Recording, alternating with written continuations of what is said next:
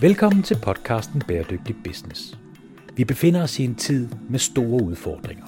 Klima- og biodiversitetskrise, knappe ressourcer og social ulighed. Men i Bæredygtig Business ligger vi idealismen på hylden og undersøger, hvilken rolle verdens virksomheder vil spille i omstillingen til et bæredygtigt samfund. De globale udfordringer kan nemlig ikke løses af velgørenhed og filantropi alene. Hvis vi skal afværge den nuværende kurs mod katastrofe, så skal vi lave bæredygtighed til sund forretning. Mit navn er Steffen Max Hø. Jeg er forfatter og foredragsholder og har arbejdet med bæredygtighed de sidste 10 år. Jeg taler med førende eksperter og undersøger, om der er penge i at tage et socialt og miljømæssigt ansvar. Goddag og velkommen til, øh, til jer tre. Det er jo første gang, jeg har haft tre i studiet, så velkommen til dig, Annette Stue.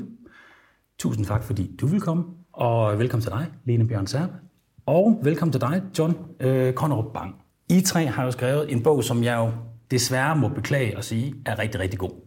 Men jeg synes ikke, det er noget, min egen fuldstændig. Men jeg synes faktisk, I har skrevet en rigtig god bog, og den har jeg haft fornøjelsen af at læse her hen over julen. Den handler jo om, øh, om strategi og bæredygtighed, og I kalder det den nye ledelsesopgave. Men inden vi går lidt i kødet på den, og hvordan I ser hele bæredygtighedsagendaen, så synes jeg, at vi skal tage en kort præsentation. Og Lene, vil du ikke starte med at lige fortælle, hvad du hedder, men i høj grad også, hvad du laver til dagligt? Jo, det vil jeg gerne. Jeg hedder Lene Serba. Jeg øh, arbejder i Mærsk øh, som øh, øh, Head of Corporate Sustainability og har snart været i Mærsk i 11 år.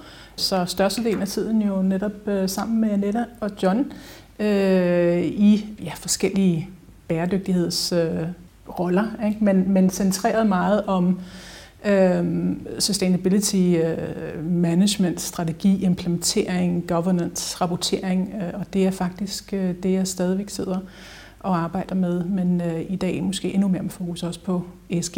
Ja, og ESG er jo virkelig også et ganske interessant emne, som vi kommer til at høre meget mere til, som der jo allerede er meget fokus på. Og i det hele taget, så har du jo arbejdet med bæredygtighed nærmest før det blev allemands eje, som det er lige nu.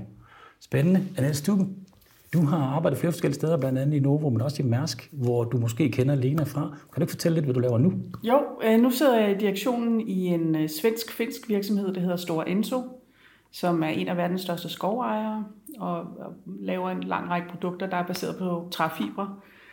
Øh, og der sidder jeg med ansvar for bæredygtighed. Og så sidder jeg i bestyrelsen i en finsk energivirksomhed, der hedder Fortum, og og sidder i forskellige advisory boards osv. Men før det var jeg jo så 11 år i uh, Mærsk, hvor jeg var uh, chef for global uh, sustainability, uh, og havde John og Lene i min ledergruppe. Uh, og før det var jeg 11 år i Novo Nordisk, hvor jeg også arbejdede i forskellige roller inden for bæredygtighed, og var med til at starte Triple Bottom Line op i Novo Nordisk, som man jo arbejdede mange med. Og det hørte man jo rigtig meget om. Og det hørte man meget ja. Det er faktisk stadigvæk noget, der bliver nævnt i forbindelse med nogle nordiske nyheder, når folk taler om det derude. Ja. Det her med triple bottom line, mm. people, planet, profit. Meget interessant. Tusind tak. John, vil, vil du fortælle lidt om, hvad du går og arbejder med i Stora Enso? Ja, jeg er som sagt også i Stora Enso. Øhm, jeg leder vores øh, grønne omstilling, eller vores bæredygtige omstilling, hvor vi øh, er i gang med at, at, at sætte nogle langsigtede, ambitiøse mål, som så skal omsættes til forskellige målepunkter og andet, der kan drive vores innovation, så vi hele tiden får øh, øh, omstillet vores både forretningsmodeller og produkter, øh, så de er, er gearet øh, til at levere på bæredygtighed. Samtidig så arbejder jeg så også øh, eksternt, som, som handler om at, at skabe partnerskaber, øh, både offentligt private privat og med andre aktører, der kan være med til at forme øh, de markeder, som vores øh, øh bæredygtige produkter skal, skal ud og virke i. Det er utrolig interessant, og det er jo spændende, når man nu har mulighed for at sidde og tale med tre, der har været i branchen i så lang tid.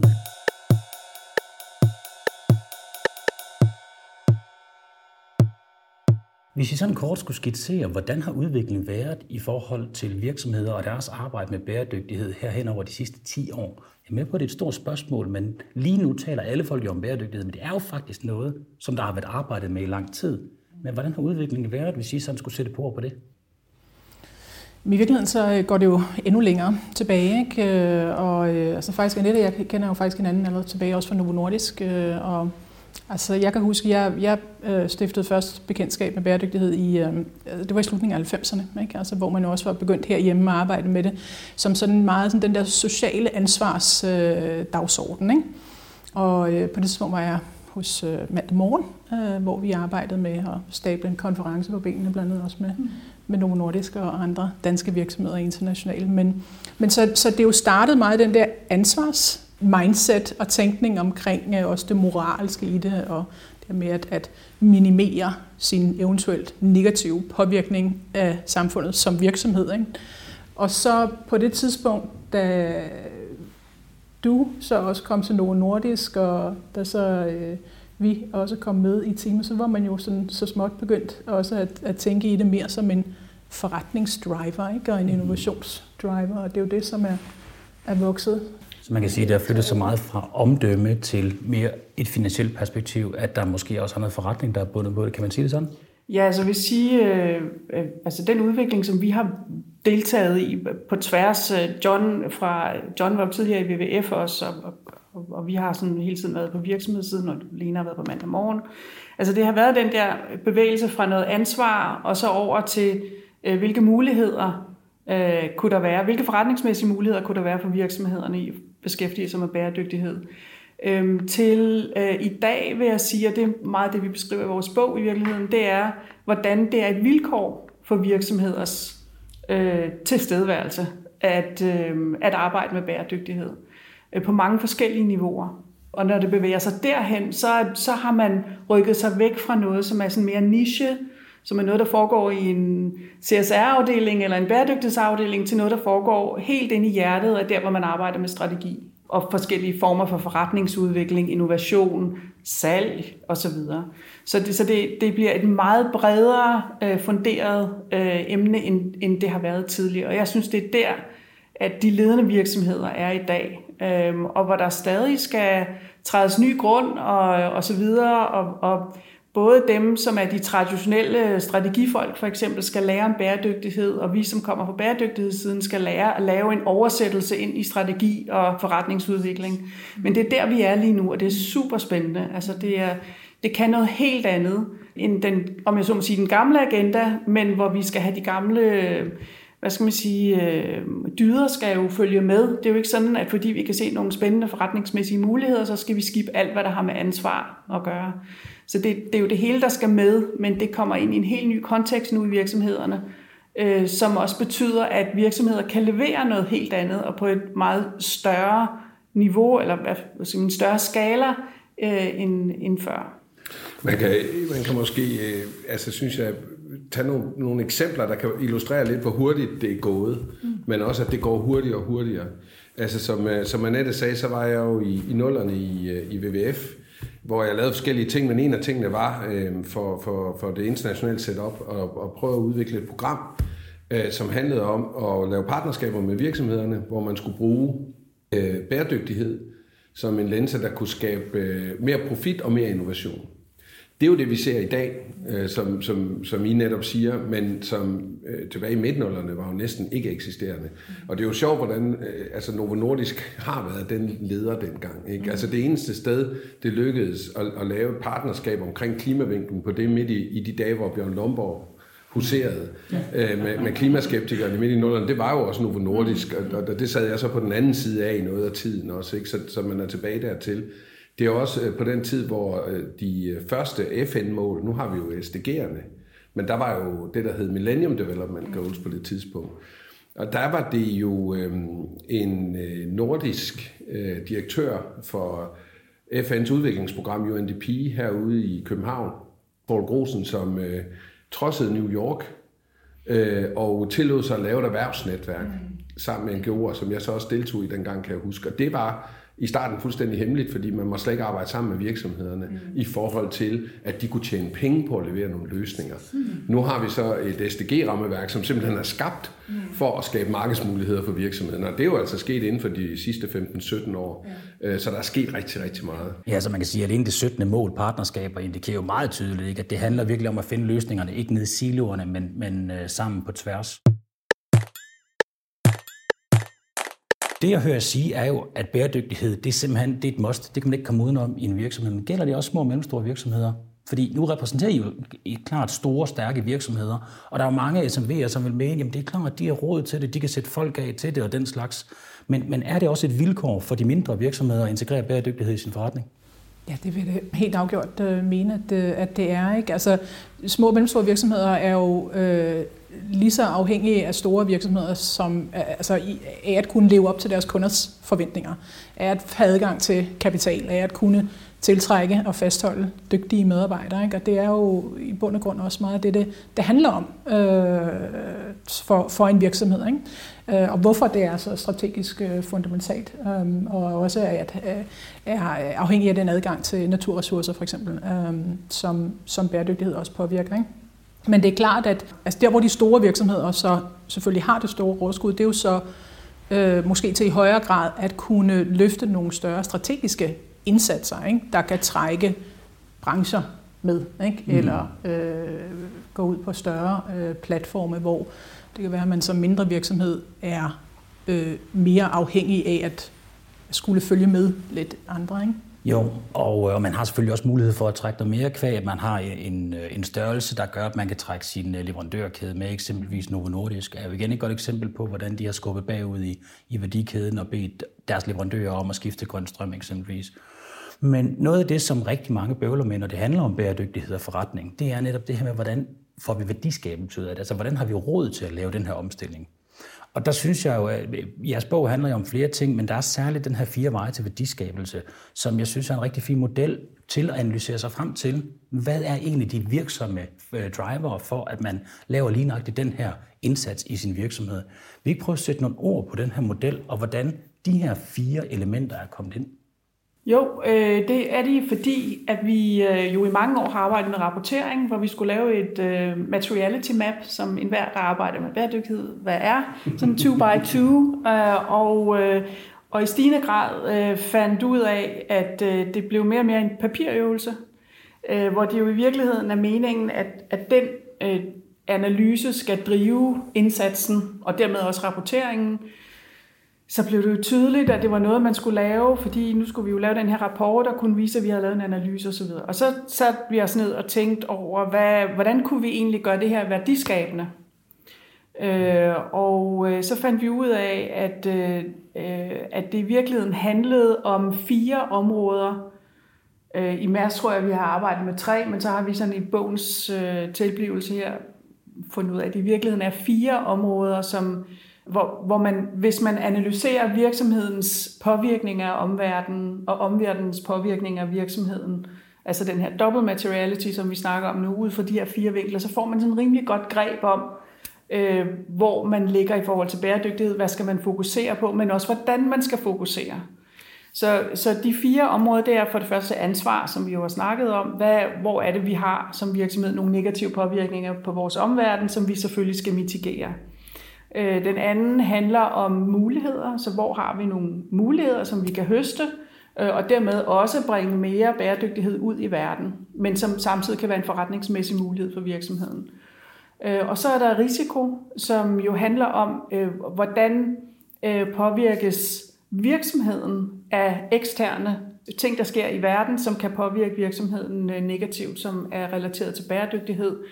Øh, og den sidste er så branding, fordi vi ved jo godt, at der er en masse af de ting, vi arbejder med, uanset om det er det ene eller det andet, som kan, øh, hvor man kan høste positiv branding, eller negativ, hvis man går galt i byen. Og det, der egentlig var pointen for os, som vi synes øh, var, var den værdi, som det gav yderligere at strukturere bæredygtighed inden for de her fire kategorier, det var, at alt efter hvor et emne landede, havde man også en indikation af, hvordan man skulle håndtere det. Så for eksempel, hvis du har et emne, som, øh, som er et brandingområde, øh, så skal du gå til det på en bestemt måde i forhold til kommunikation, i forhold til engagement med eksterne stakeholders osv. Det er en helt anden måde, du skal gå til et område, hvor du kan identificere en, en risiko for virksomhedens strategi, som har med bæredygtighed at gøre på en eller anden måde. For eksempel, et af de virksomheder, som vi har i bogen, øh, handler om, øh, at der vil komme noget regulering på, på SOX, altså øh, svovludledninger fra skibe. Øh, og det kunne vi godt se, at øh, hvis det kom til at ske, og vi synes, det var en god idé sådan set, der kom noget regulering, fordi det skader jo rigtig mange mennesker, øh, så vil det blive meget, meget dyrt for virksomheden. Så, så bliver der jo sat en, en helt anden type ressource i gang, øh, og programmering i gang i en virksomhed, for at, at man skal sikre, at man lander det rigtige sted. Mm. Så, så alt efter, hvor i de her fire kategorier et emne lander, øh, så er der så forskellige tilgange, og det giver en indikation af, hvad det man så, hvordan man så skal håndtere emnet. Og det synes vi i hvert fald var en stor hjælp øh, i forhold til at prioritere øh, bæredygtighedsarbejdet.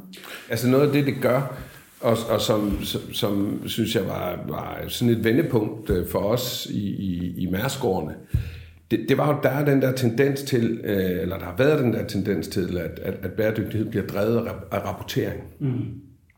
Og det er i virkeligheden en forkert drivkraft. Øh, det rammer skævt ind på, hvor virksomheden skal hen. Man forstår ikke, hvad virksomheden forstår ikke, hvad den skal bruge bæredygtighed til. Og derfor bliver det hele tiden en diskussion om, om det er for dyrt det, det man jo får ud af den her analyse, det er, at man finder ud af, hvad er det for nogle konkrete elementer, vi kan bruge til noget som virksomhed. Og så får man også en struktureret diskussion med sig selv om, hvor skal man tage et ansvar, som der ikke er nogen forretningsmæssig logik i, men fordi man har et ansvar. Det kan være i forhold til medarbejdersikkerhed, og det kan være andre ting. Og, og, og derfor har vi brugt så meget krudt, vil jeg sige, på den model i bogen, fordi øhm, for os har den i hvert fald bidraget til at få vendt øh, kan man sige, mønten om, sådan at, at, at man får øh, bæredygtighedsarbejde drevet inde fra virksomheden, og dermed kan komme ind og få fat i virksomhedens værdidriver. En ting, som jeg også synes er vigtigt at få frem, det er jo også nu, som vi sagde, lidt vores, vores øh, erfaring her over tiden med udviklingen af, af feltet. Ikke? Altså, i, i de bølger, der har været i, i udviklingen af bæredygtighed, så øh, vi startede med ansvar, og så er der noget med forretningsmulighederne, som blev meget store, ikke mindst også båret frem af SDG'erne. Ikke? Og så nu er det jo meget ESG og det finansielle perspektiv og risikoperspektivet, som er meget stort. Ikke? Og der er lidt en tendens til, at så med de bølger, så er det så også det ene perspektiv, som så kommer til at dominere.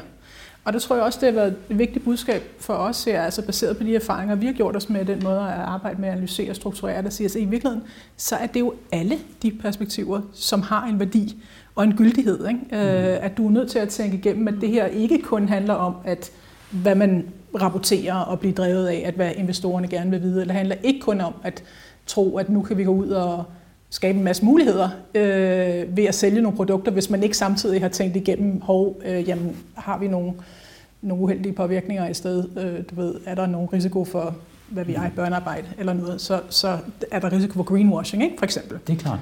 Det er super spændende og meget interessant det her med, at man, der er mange, der løber efter rapporteringen som værende det endegyldige, hvor det er, at måske skal man angribe det en lille smule mere proaktivt i forhold til at finde ud af, hvor forretningsmulighederne er. Hvis man kigger på, på det første emne her, ansvar, kunne man forestille sig på et tidspunkt, at en ledelse vi står over for en række medarbejdere, måske unge medarbejdere, som mener, at virksomhedens ansvar er markant større end det, som ledelsen mener.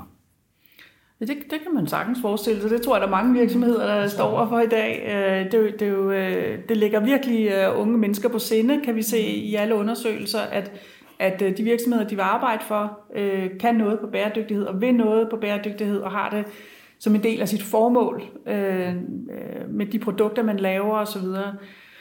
Øhm, så det, det tror jeg godt, man kan forestille sig. Og der kommer vi måske også med en lille øh, caution, kan man sige, i bogen, fordi der vil være mange, der synes mange ting om, hvad man skal og ikke skal. Øh, og det er egentlig derfor, at vi sådan slår lidt på trummen for den her systematiske øh, øh, tilgang til bæredygtighed, og, og en mere analytisk tilgang i virkeligheden, hvor, hvor vi så har de her fire tilgange, som vi lige har snakket om, øh, for at finde ud af, hvor er det egentlig, det er vigtigst for os at sætte ind. Hvor er det, vi som virksomhed har den største impact, eller hvor har vi nogle påvirkninger, som vi ikke burde have, som vi skal gøre noget ved? Øh, hvor er det, vi virkelig kan løfte noget? Øh, hvor er det, øh, hvad er det, der sker inden for de næste 5-10 år, som kan underminere hele vores forretningsmodel, eller vores strategi, eller de råmaterialer, vi bruger til at producere vores varer med, osv. Så, du, så, så den her øh, øh, fact-baseret i det omfang, det kan lade sig gøre, for det er jo ikke alting, man kan, man kan få øh, hvad skal man sige, fakta på, men, Øh, den analytiske tilgang bør ligge til grund i forhold til, hvilken retning og hvilke prioriteter man har som virksomhed, og ikke bare øh, hvad den ene og den anden stakeholdergruppe måtte synes. Det er klart, ens medarbejdere er utrolig vigtige, øh, og jeg tænker, at der er rigtig meget inspiration at hente, og rigtig meget energi at hente. Øh, og for, og for, altså, hvis man formår at få de ting til at spille sammen, sådan så at det går i den rigtige retning, og ikke i 20 forskellige retninger, så har man fat i noget, af, noget der virkelig kan løfte noget. Der, der kan man jo sige, at altså, man, man, det man får ud af at bruge modellen, det er selvfølgelig at finde ud af, hvad man skal fokusere på, men man får faktisk også det ud af det, at man finder ud af, hvad man ikke skal fokusere mm. på, og det kan være sådan set være lige så vigtigt. Og hvorfor? Og hvorfor, nemlig ja. særligt, så man kan øh, også tage en dialog med forskellige stakeholdergrupper, øh, måske i medarbejderne, men lytte til meget dybere, mm. men andre grupper også, og, og forklare, og sige, det er simpelthen dumt, vi er ikke den rette virksomhed til at gøre det her, eller vi, vi gør noget andet, fordi der har vi faktisk noget at bidrage med. Det får man ud af at gå systematisk igennem øh, områderne. Så det er begge dele. Hvad skal vi gøre, hvad skal vi ikke gøre? Og det er jo også det lidt strategisk, ikke? Altså, i, derfor vi snakker om strategisk bæredygtighed, mm. fordi det er jo også, det, det handler om til- og fravalg i virkeligheden, ikke? Men kan det ikke også være svært for en, en ledelse generelt at få et overblik over bæredygtighedsagendaen, fordi den stikker i rigtig mange retninger? Er det ikke også netop der, at det er rart at have en model at forholde sig til, så man kan få afdækket områderne? Og den analytiske og datadrevet tilgang er vel også nødvendigt, for at man kan sige til sine stakeholders, det er den her retning, vi går, at de er de årsager.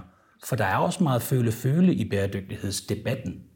Der er meget føle-føle, og der er meget mavefornemmelse, sådan, og der er masser af hobbyhorses, øh, som man skal kæmpe med. Også i, også i, jeg kender ikke begrebet hobbyhorses, det må du godt Nej, men altså ting, man... Øh, hvad, hvad, hvad, kæpheste. Kæpheste, kæpheste, ikke? Altså ting, man virkelig føler for, mm. og har følt meget stærkt for, og, og det er der også i store virksomheder, som arbejder strategisk med bæredygtighed. Der sidder der jo også øh, masser af mennesker, som øh, har nogle ting, de virkelig brænder for, og som de synes, den her virksomhed skal løfte for dem.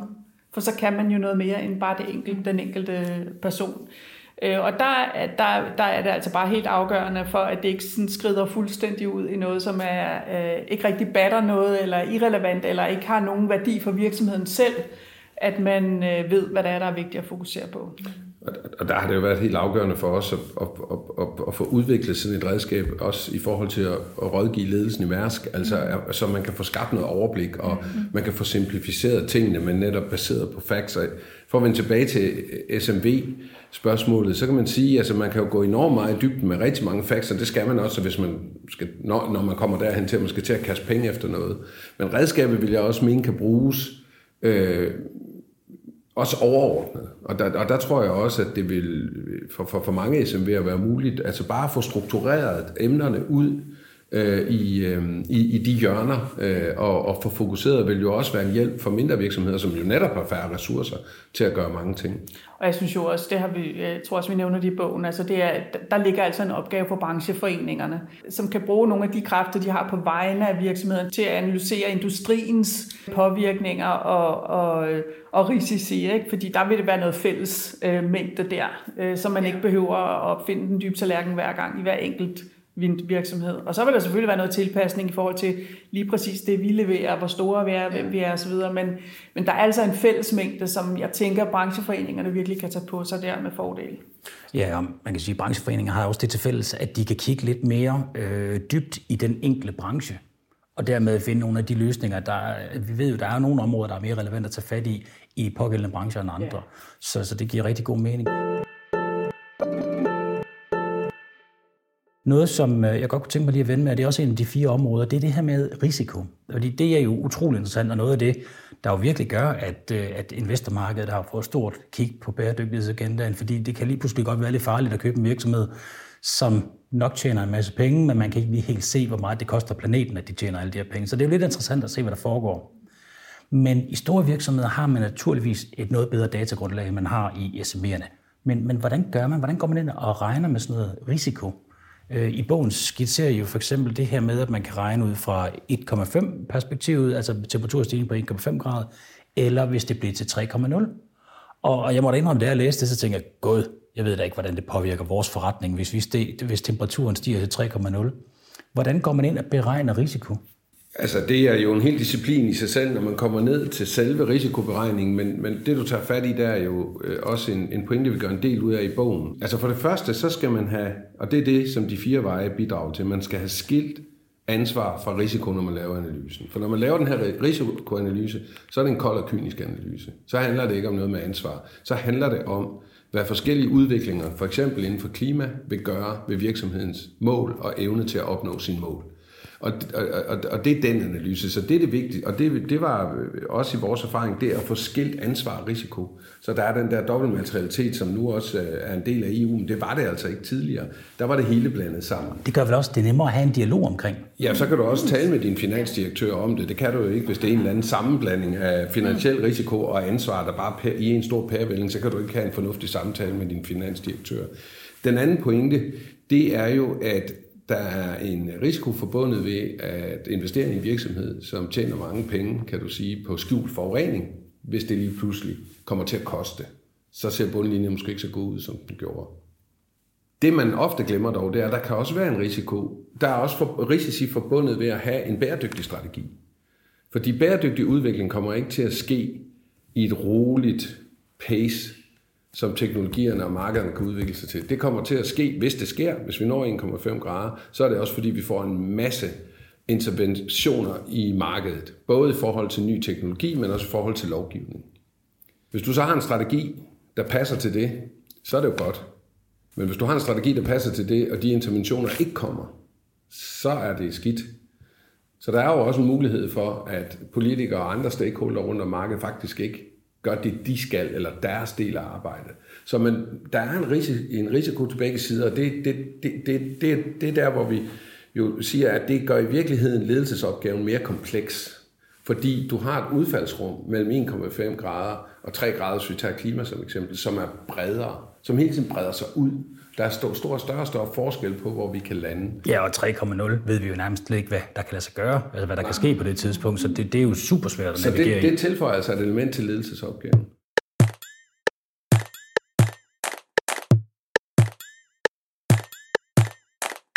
Lad os prøve at bevæge os mere ind i det her med lederens opgave, eller ledelsens opgave.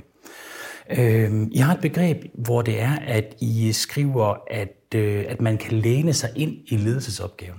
Og det synes jeg er et fantastisk opgreb.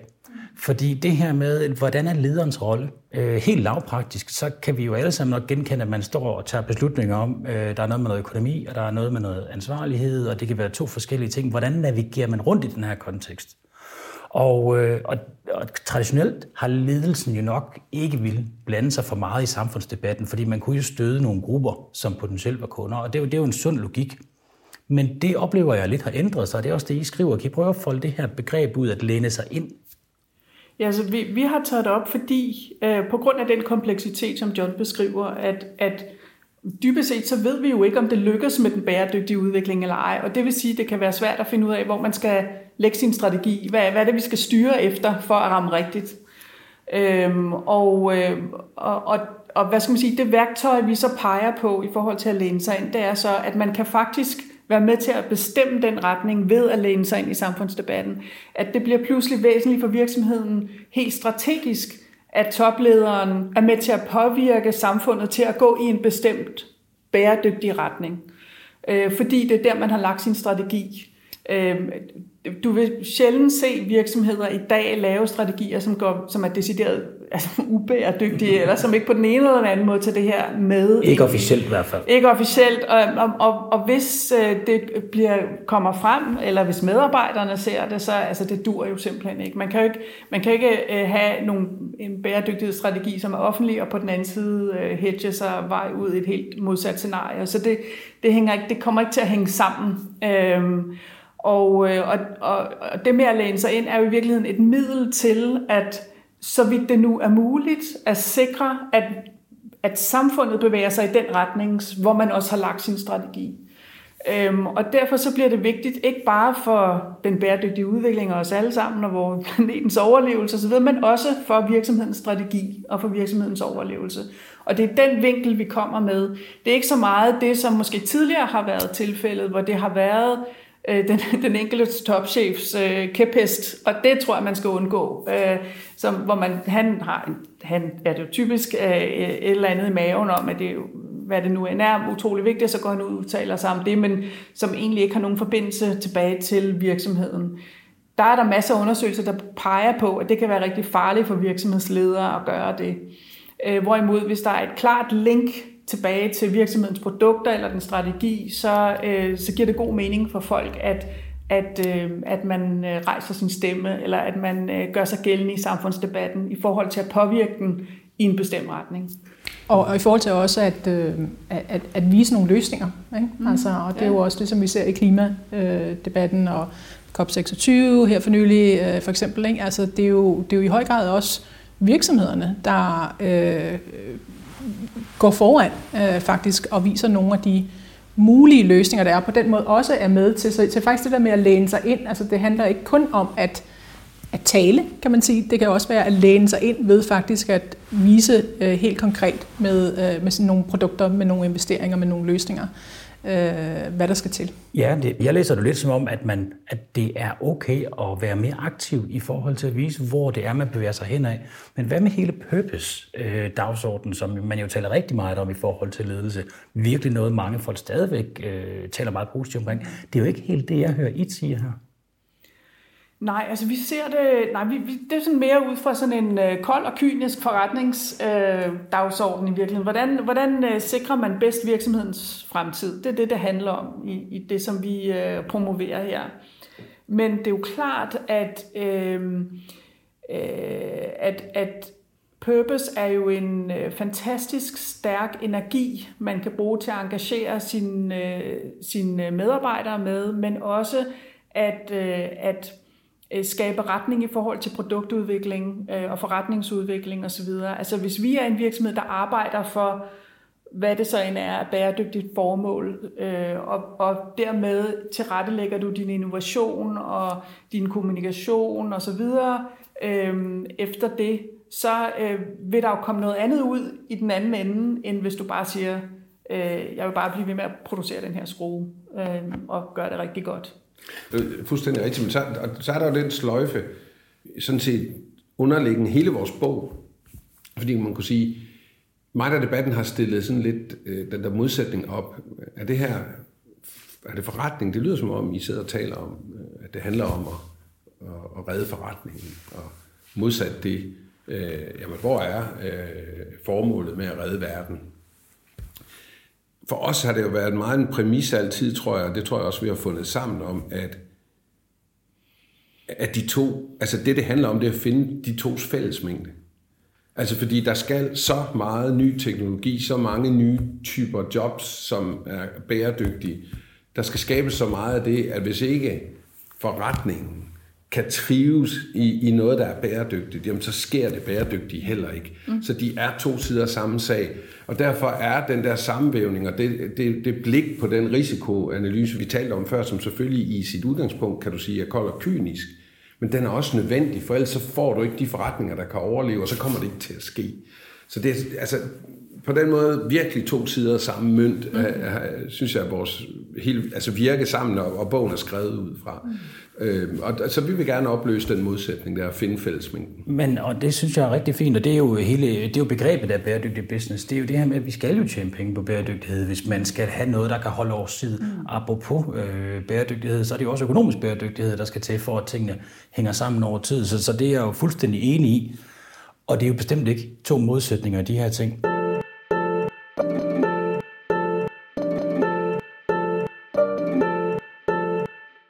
Er ledelsesopgaven blevet sværere? Fordi det tror jeg, der er rigtig mange, der vil opleve derude, når det er, de skal til at navigere i det her. Altså, nu snakker vi purpose før. Hvis man ikke øh, lige har arbejdet med det før, eller det ikke er noget, der falder ind naturligt, så virker det som en meget anderledes ledelsesopgave at få kastet over. Nu skal man til at kigge på bæredygtighed, man skal til at kigge på biodiversitet, man skal kigge på nogle andre ting, som er relativt komplekse, som tager tid, som man ikke bare hurtigt kan skøjte igennem. Er ledelsesopgaven blevet sværere, eller er det her bare endnu en ny dimension? Jamen det er det. Det er en ny dimension, der gør ledelsesopgaven mere kompleks. Øh, og, øh, og det er bare sådan, det er. Altså, det, kan, det, må, det må vi leve med og, og, og forholde os til på den ene eller den anden måde og blive dygtigere til.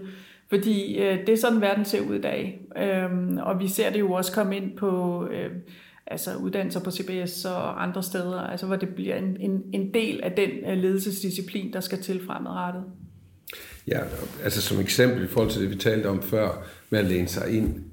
så kunne det være, at der var nogle uh, topledere, der sad og tænkte, men, altså, jeg har jo egentlig lavet lobbyisme altid, så det går nok. Men det er netop ikke lobbyisme. Mm. Fordi det handler om at læne sig ind og kunne være med til at skabe en vision, der er meget større end virksomheden selv, hvor så virksomheden kan passe ind, og hvor virksomheden kan have løsninger, og dermed kan lave investeringer, der giver et return. Men det er, øh, øh, der, der, for at være legitim i den debat, der skal man jo øh, skabe et billede og skabe en vision sammen med andre stakeholder, der er meget større end virksomhedens øh, promovering af egne produkter kun. Og det er også en ny disciplin, øh, som øh, de fleste topledere, der har været i branchen i mange år, i, i branchen i mange år, jo ikke øh, på den måde er, er trænet i. Øh, det har været meget snævre. Hvad mangler vi? Hvad mangler den hvad mangler vi i uddannelse? Hvad mangler den moderne leder? Hvad er det, man mangler for at sætte sig ind i den her agenda? Jamen, altså, der er jo helt åbenlyst nogle, øh, nogle fagdiscipliner, ikke, som det er vigtigt at, øh, at, at kunne, altså også i forhold til klima, biodiversitet øh, osv., socialt øh, ansvarlighed. Men, øh, men så er der også den her tilgang, ikke? altså det her med at kunne navigere i, at være komfortabel i at navigere i et øh, komplekst stakeholder-landskab. Ikke? Øh, og være mere øh, co-creator ikke? af fremtiden i virkeligheden sammen med øh, sine stakeholders. Øh, så, øh, så det er jo både, der er både nogle hårde og nogle bløde øh, discipliner, vil jeg sige, man skal øh, faktisk kunne som leder i dag, udover at kunne det, øh, det, sådan, det måske de mere klassiske, som øh, kan være sådan mere ingeniørdiscipliner, eller øh, regnskab, mm. eller du ved, strategier og så videre. Ja, ja, ja. Øh, så, så det vil sige, det er nogle af de. Ja, og jeg vil sige, til alle, til alle de discipliner, du nævner der, og alle de andre, altså HR og, ja, ja, ja. og så videre, altså, det, altså der vil øh, hele bordet rundt, vil der være en tilføjelse på en eller anden måde, mm. fordi der, altså, perspektivet skal lige blive en lille smule bredere. Og, og, og, og hvad skal man sige, øh, en forståelse, jeg vil sige, en vigtig disciplin vil være en, en forståelse af samfundsudvikling. Hvordan ja. udvikler samfund sig? Og så kunne sætte det i forhold til øh, ens egen virksomhed. De produkter, der vi skal levere ind. Øh, hvordan markeder bliver skabt i, i, den, øh, i den form for samfundsudvikling, hvor, øh, hvor man kan sige, sådan har det jo altid været, det har man jo altid skulle, men, men hvor det på en eller anden måde bliver tydeligere, hvordan det påvirker virksomheder i dag. Og især øh, vil jeg sige, det der har med naturen at gøre, altså og, og afhængigheden af naturressourcer, som vi måske løber tør for. Øh, altså, har vi en bestyrelse eller en direktion i dag, der spørger, stiller, os, øh, stiller sig selv spørgsmålet, øh, øh, de råmaterialer, vi bruger i vores produkter i dag, kan vi få adgang til dem om 10 år, eller bliver de pludselig meget dyrere, eller og hvordan, hvordan sker den udvikling? Fordi så er det nu, vi skal i gang med at udvikle noget andet, for eksempel. Altså den type spørgsmål, hvor, hvor man kan sige, der er det, at, øh, at vi har drevet vores samfund derhen, hvor vi øh, rammer nogle øh, planetary boundaries, som, som vi snakker om, det gør simpelthen, at der er nogle andre pres på verden og dermed på virksomheder og de råmaterialer, som vi bruger, eller øh, den måde, vi har skruet sammen som samfund på, øh, som, som gør, at, at det er kommet meget tættere på virksomheders øh, overlevelse. Og der er vel også noget lovgivning, der går ret stærkt. Lige, Lige nu er der jo lovgivning, som fuldstændig har overtaget, øh, især i EU, mm. ikke? måske mere i EU end nogle andre steder i virkeligheden, som går enormt stærkt Øh, og som jeg tror er kommet bag på mange virksomheder også på, hvor, hvor, hvor vi jo har valgt, været vant til, at først så er der en lang periode, hvor vi skal arbejde med soft law, og hvor vi selv sådan skal navigere i det der lidt uh, fluffy space for, hvad, hvad der er i orden for virksomheder at gøre, og ikke som vi har skulle på menneskerettigheder i mange år for eksempel, men hvor der nu kommer, hvor, hvor lovgivningen nu i virkeligheden løber foran på mange områder. Men kan man ikke netop sige, at der er, altså nu, der står jo hele tiden i medierne lige nu, at, at klimakonsulenter, de bliver simpelthen kimet ned, fordi de skal ud og lave klimaregnskab, fordi vi kan se, at bankerne allerede fra næste år skal til at, eller, at, at vise, hvor meget deres øh, kunder udleder i, øh, blandt andet i drivhusgasser. Og det betyder selvfølgelig, at man skal til at lave klimaregnskab. Men kan man ikke netop sige, at de her mange virksomheder, de bliver taget en bukser ned, fordi de simpelthen ikke har været proaktive i forhold til agendaen? Jo, det synes jeg godt, man kan sige. Altså, fordi det er jo ikke noget, man ikke har talt om de sidste mange år. Mm. Der har ikke været noget lovgivningspres på den måde, og der har især ikke været et pres fra de allervæsentligste stakeholdere for, for en virksomhed. Men det er der nu, og det er mm. derfor, den, den finansielle sektor har spillet sådan en enorm vigtig rolle i forhold til de sidste to års øh, udvikling på det her område, hvor, hvor jeg synes, det er fair at sige, at bæredygtighed i virkeligheden er gået mainstream. Det, det er jeg enig i, og, og til det du sagde, hvad skal der til? Jeg synes, der er en bestemt dimension, der relaterer sig til det der med, at mange måske er blevet taget med bukserne nede. Øhm, det, er et, det er et greb, når man taler strategi og forretningsudvikling, som er anderledes end det, man plejer at gøre. Det, man helt traditionelt plejer at gøre. Det er jo ikke, fordi man ikke kigger frem i virksomheder, har gjort det altid. Men man ser, vi er her nu, man indhenter nogle tendenser, og så ekstrapolerer man fremad. Det, som nu nævnte du, Annette, Planetary Boundaries, som, som en af de ting, det, som, øh, som vi anbefaler, der bliver lagt til, man skal altid ekstrapolere. Man skal jo se, hvor er ting på vej hen med best knowledge, best, den bedste viden, vi har. Det er faktisk at stille sig ude i en bæredygtig fremtid og sige, hvad skal der til? Og så begynder de tilbage, hvis det sker, hvad sker der så med markedet? Hvad sker der så med teknologien? Hvad sker der så med pengestrømmene? Og der vil man næsten altid opleve, at den fremskrivning, man har lavet, den er, ser anderledes ud end den tilbageskrivning fra en bæredygtig fremtid, man har lavet. Det er jo inde i det felt, at værdien kan ligge, hvis man kan ramme rigtigt. Men det er også inde i det felt, man kan se, hvad man skal forberede sig på, der ligger ud over det, der umiddelbart ser ud til at ville ske inden for de næste fem år. Og det tror jeg er en måde, som, øh, som øh, øh, virksomheder sjældent har arbejdet på. Og det kommer bæredygtighedsdisciplinen mm, højst sandsynligt til de fleste steder at være den, der, der tilføjer til strategiarbejdet. Det lyder jo meget omfattende. Det lyder som mange, altså det er meget analyse, der skal laves. Og der er også mange variabler her, som kan være svære at få nogle gode gæt på øh, i forhold til temperaturstigningerne. Men hvis vi sådan til allersidst skulle lige kigge lidt ind i, øh, i fremtiden, det er jo så dejligt nemt. Øh, hvordan, hvordan tror I, det kommer til at udvikle sig, det her marked? Altså kommer det til at fortsætte? Nu sagde du før, Annette, at bæredygtighed er blevet mainstream. Altså fortsætter den her debat omkring særlig klima og bliver højere, højere, højere, eller hvad tænker I, der kommer til at ske, og hvordan påvirker det markedet, og ikke mindst virksomhederne? Det er sådan et nemt lille spørgsmål til sidst. Ja, det var et stort spørgsmål. Jo, det er, men på, det, er jo, det er jo helt, på den ene side helt umuligt at svare på, og samtidig er det er måske heller ikke helt så kompliceret i virkeligheden, som øh, nogen gerne vil gøre det til. Altså fordi øh, man, kan jo, man kan jo simpelthen tage udgangspunkt i, hvad planeten har behov for. Og vi har jo fået at vide fra FN, hvad planeten har behov for i forhold til klima- og CO2-udledninger. Øh, vi øh, ved også fra videnskaben, at der er en række andre områder, hvor der er nogle, nogle grænser for, hvor meget vi kan, hvilken aktivitet vi kan have øh, øh, på, øh, på jorden, hvad man er virksomhed eller hvad man nu er. Øhm, og, og, og der kan man som virksomhed forholde sig til, øh, jamen hvad skal vi så gøre? Hvis vi nu ved, at vi skal nå et 1,5 øh, graders scenarie inden 2050, hvad er det så, vi skal gøre som virksomhed? Hvad, hvad betyder det så for vores klimaregnskab i forhold til, hvor meget mindre vi skal udlede?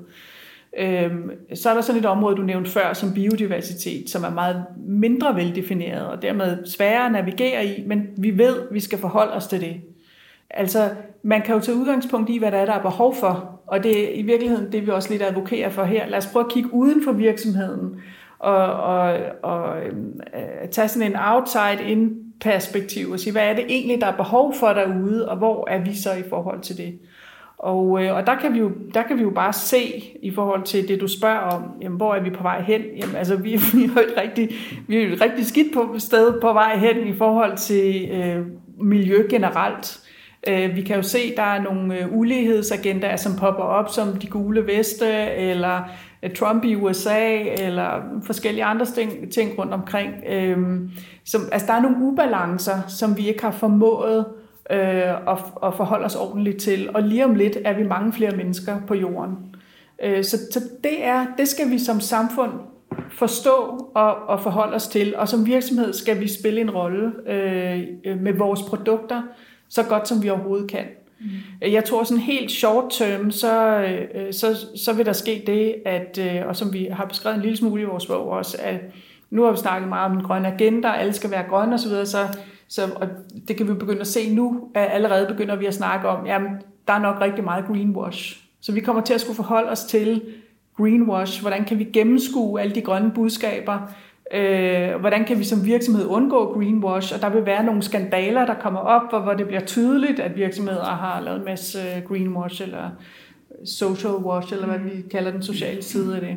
Så det er sådan, men det er sådan mere short term. Øh, så, så der er sådan en balance at gå der i forhold til at ramme rigtigt, både på den lange bane og på den korte bane.